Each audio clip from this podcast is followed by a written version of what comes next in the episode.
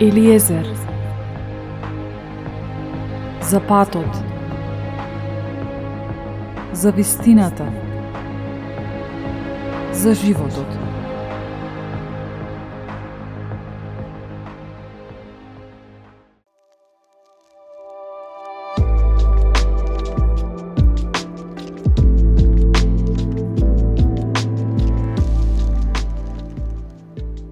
Поздрав, здраги слушатели!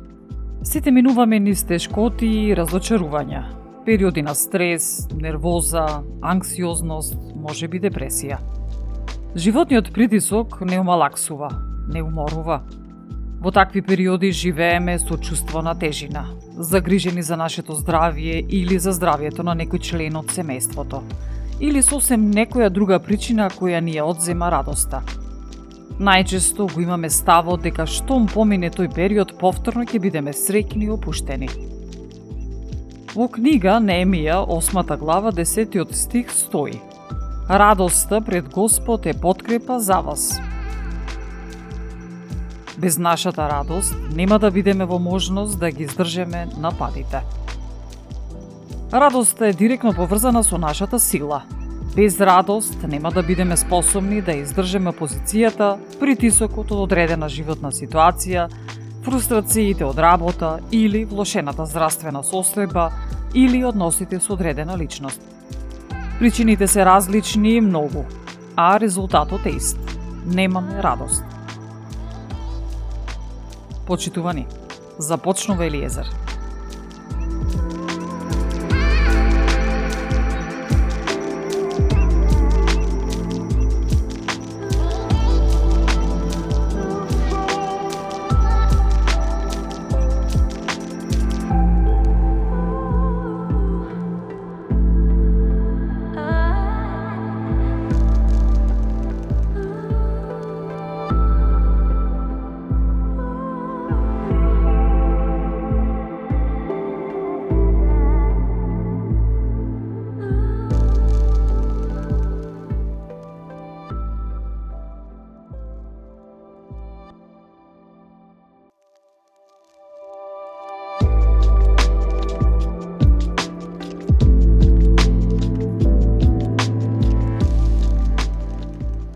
Дали некогаш радоста сме ја гледале како необходност? Кога ја гледаме радоста како извор на сила, тогаш сигурно дека таа ќе биде позастапена во нашиот живот. Дјаволот ќе ги употреби сите начини и методи само да ни ја згасне радоста. Сигурна сум дека сте имале случка кога во одредена ситуација се било одлично и кога одеднаш некој ваш близок, дали член од семејството или пријател, само со една невербална акција или збор ќе ја упропасти целата таа радост и пријатно чувство што го имате. И да, вие не сте виновни, туку тој или таа од другата страна. Но, важно, радоста исчезнала и настапила потиштеност, може би лутина, гнев.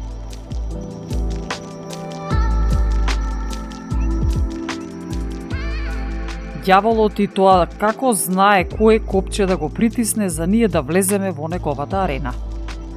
Тој знае дека доколку немаме радост, ние ќе ослабнеме и ќе бидеме лесен плен. Ако не одржува, обесхрабрени, разочарани од притисокот, вознемирени од тоа кој ни наштетил, во страф од медицинскиот извештај. На тој начин, ќе не победи во секоја област –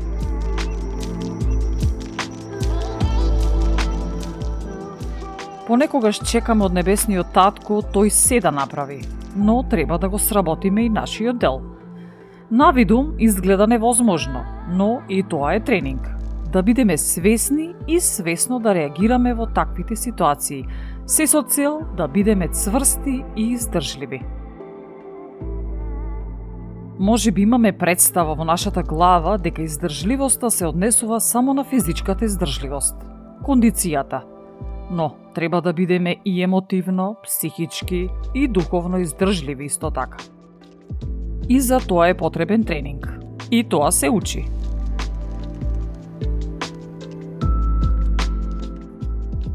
24 стих од Псалм 119 или 118 според православниот превод гласи Овој ден е што го создаде Господ за да се зарадуваме и да се развеселиме во него. Овој стих укажува на донесување одлука дека ништо нема да ми одземе радоста затоа што овој ден е направен од небесниот татко. За да го оствариме ова, треба да бидеме проактивни. Кога се будиме наутро, мора да донесеме свесна одлука дека ќе се радуваме на денот што го креирал небесниот татко. Само за нас. Дека ќе се смееме, дека ќе бидеме благодарни, дека ќе го гледаме доброто во денот. Да, може и да е тешко, но небесниот татко се уште седи на својот престол и се грижи за сите они кои го бараат. Како што укажува неговиот збор. Посилен е оној што е во мене, отколку оној што е во светот. Кој може да е против мене кога небесниот татко е со мене?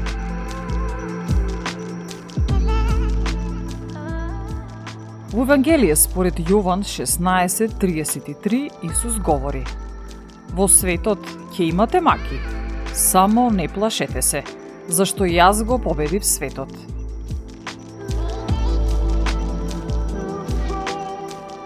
Да, нормално е човек да не се смее, да не се радува во тешки ситуации, но дури и тогаш треба да се подсетиме на зборот што ни го кажува Исус Христос. Зошто?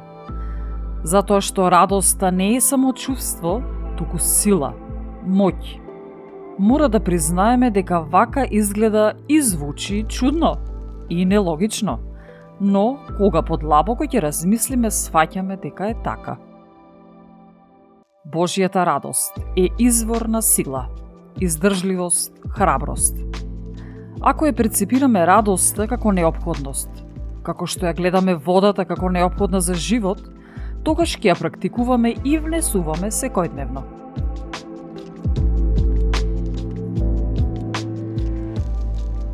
Павле и Сила, кога беа ставени во затвор, не се препуштија на дадената ситуација, туку пееа, како што пишува во Апостолски дела 16 глава. А стражарот, штом прими таква заповед, ги фрли во внатрешниот затвор и нозете им ги стегна во клада. Во полноќ пак Павле и Сила се молија и го славеа Бога, а затворениците ги слушаа. Одеднаш настана потрес голем, така што и темелите на затворот се поместија и веднаш се отворија сите врати и оковите на сите отпаднаа. Штом тие, со нивната радост и славење на Бога добие слобода, зарем нема и ние да добиеме слобода од нашата ситуација? Лесно е да се биде радосен, расположен, кога се оди добро, но тестот е кога е обратно кога луѓето се однесуваат неправедно спрема нас, кога ситуациите не се фер, како што кажуваме, ни криви, ни должни. Трпиме некаква штета. Oh, I am your breakthrough. I am your breakthrough.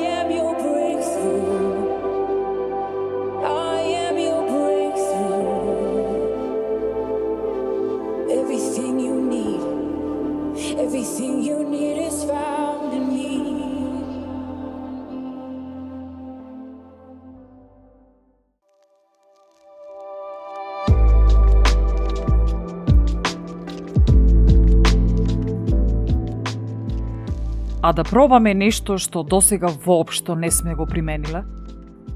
Имаме ли нешто да изгубиме? Не.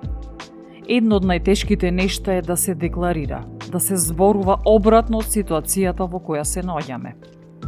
Фактичката состојба е таква каква што е, но наша задача е да ја пророкуваме нашата иднина како да е сегашност. Наместо да се жалиме, да го славиме небесниот татко за неговата добрина и верност. Наместо да бидеме незадоволни, да бидеме благодарни за се. Едноставно, некои работи во животот треба да се прават свесно и со вложена снага. Имено, Божиот збор гласи Верата доаѓа преку слушањето, а слушањето преку Божиот збор.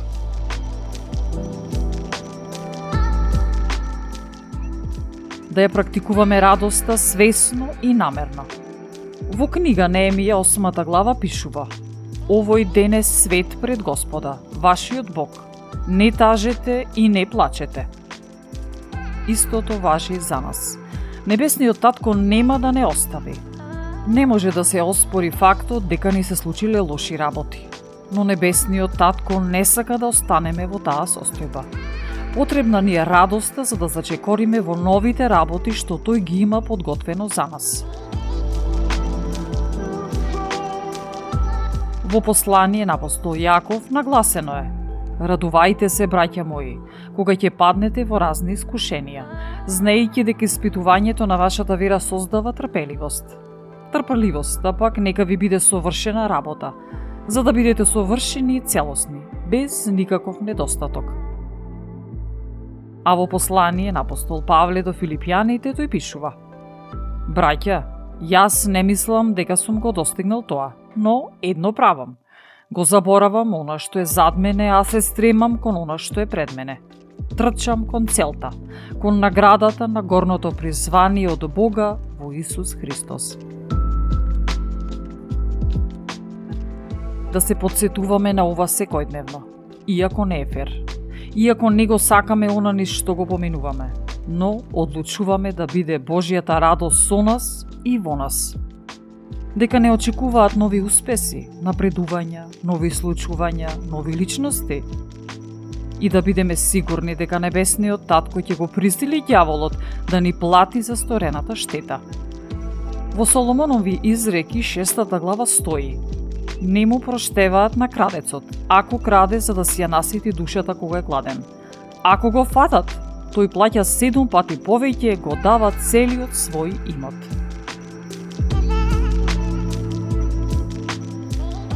Понекогаш, немаме друг избор освен да ја надминеме ситуацијата. Мора да ја надминеме. Фокусот мора да не биде во небесниот татко. Во спротивно, ветровите на злото можат да не одвеат во погрешен правец. Ние сме како бунар. Сите диви растенија, тиња, камења во бунарот представуваат нашите тажни спомени. Мигови на разочарување, чување гнев и потреба за одмазда, непростување било на други или на себе си, одложувања, неуспеси, вина, грешки, затворените врати, пропуштените можности и што уште не. Да го исчистиме бунарот за да можеме да ги примиме небесните благослови.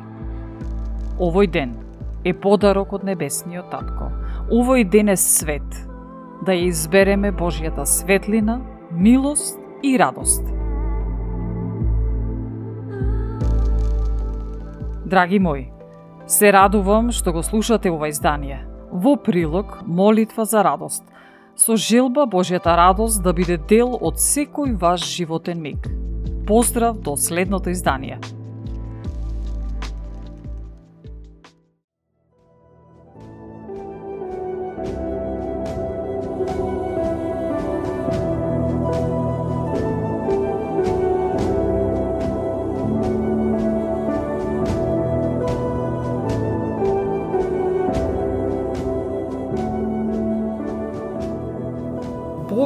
Бог.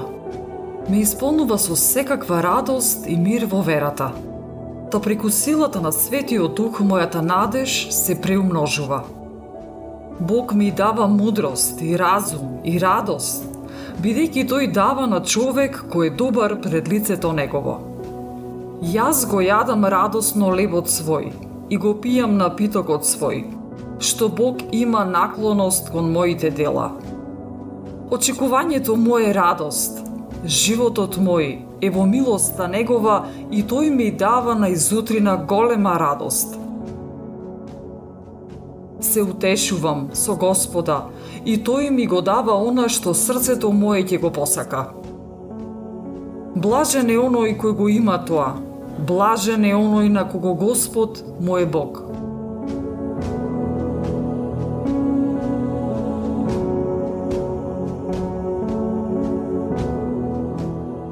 Секогаш го гледам пред себе Господа, зашто тој од мојата десна страна, за да не се поколебам.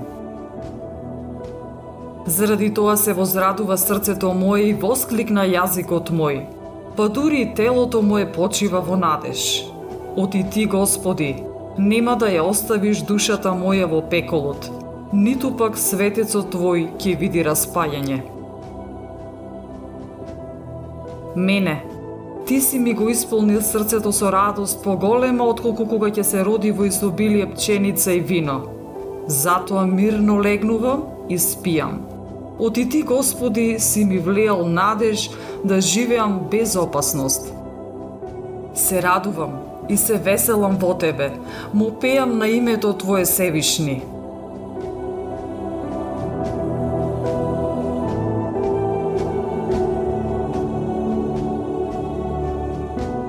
Ти ми ги покажа патиштата на животот.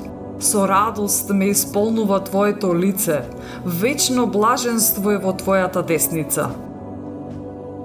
Господовите повелби се праведни, го веселат срцето, Господовата заповед зрачи светлина, ги просветлува очите. Ти ја претвори тагата моја во радост, го симна од мене товарот и ме препаша со веселба за да те слави душата моја. Кога се намножуваат тешкотиите, и во срцето мое твоите утехи ја развеселуваат душата моја.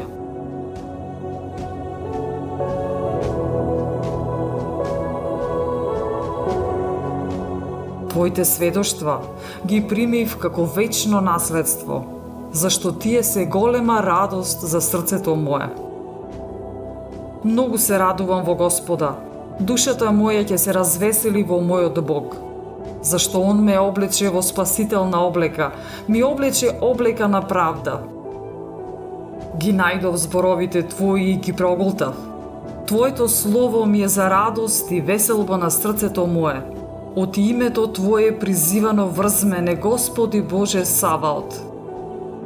Макар и да не процути дрвото, и да нема плод, и да откаже маслината, и добитокот да не остане во трлото, јас и тогаш ќе се радувам во Господа и ќе се веселам во Бога на моето спасение.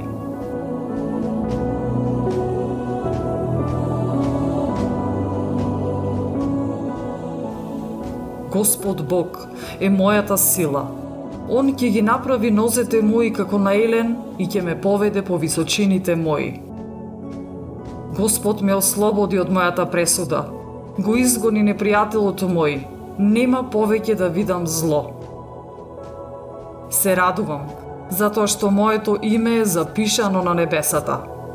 Барам и ќе добијам, за да биде радоста моја полна. Секогаш се радувам, постојано се молам, благодарна сум за се.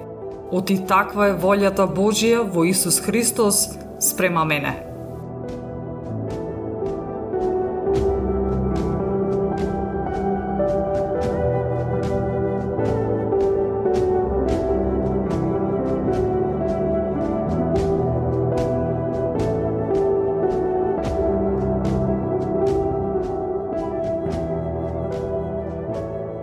Ја следевте емисијата Елиезер со Елена Ѓурѓевска Костадиновиќ.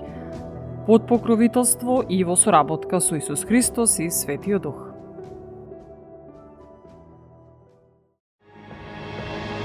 Елиезер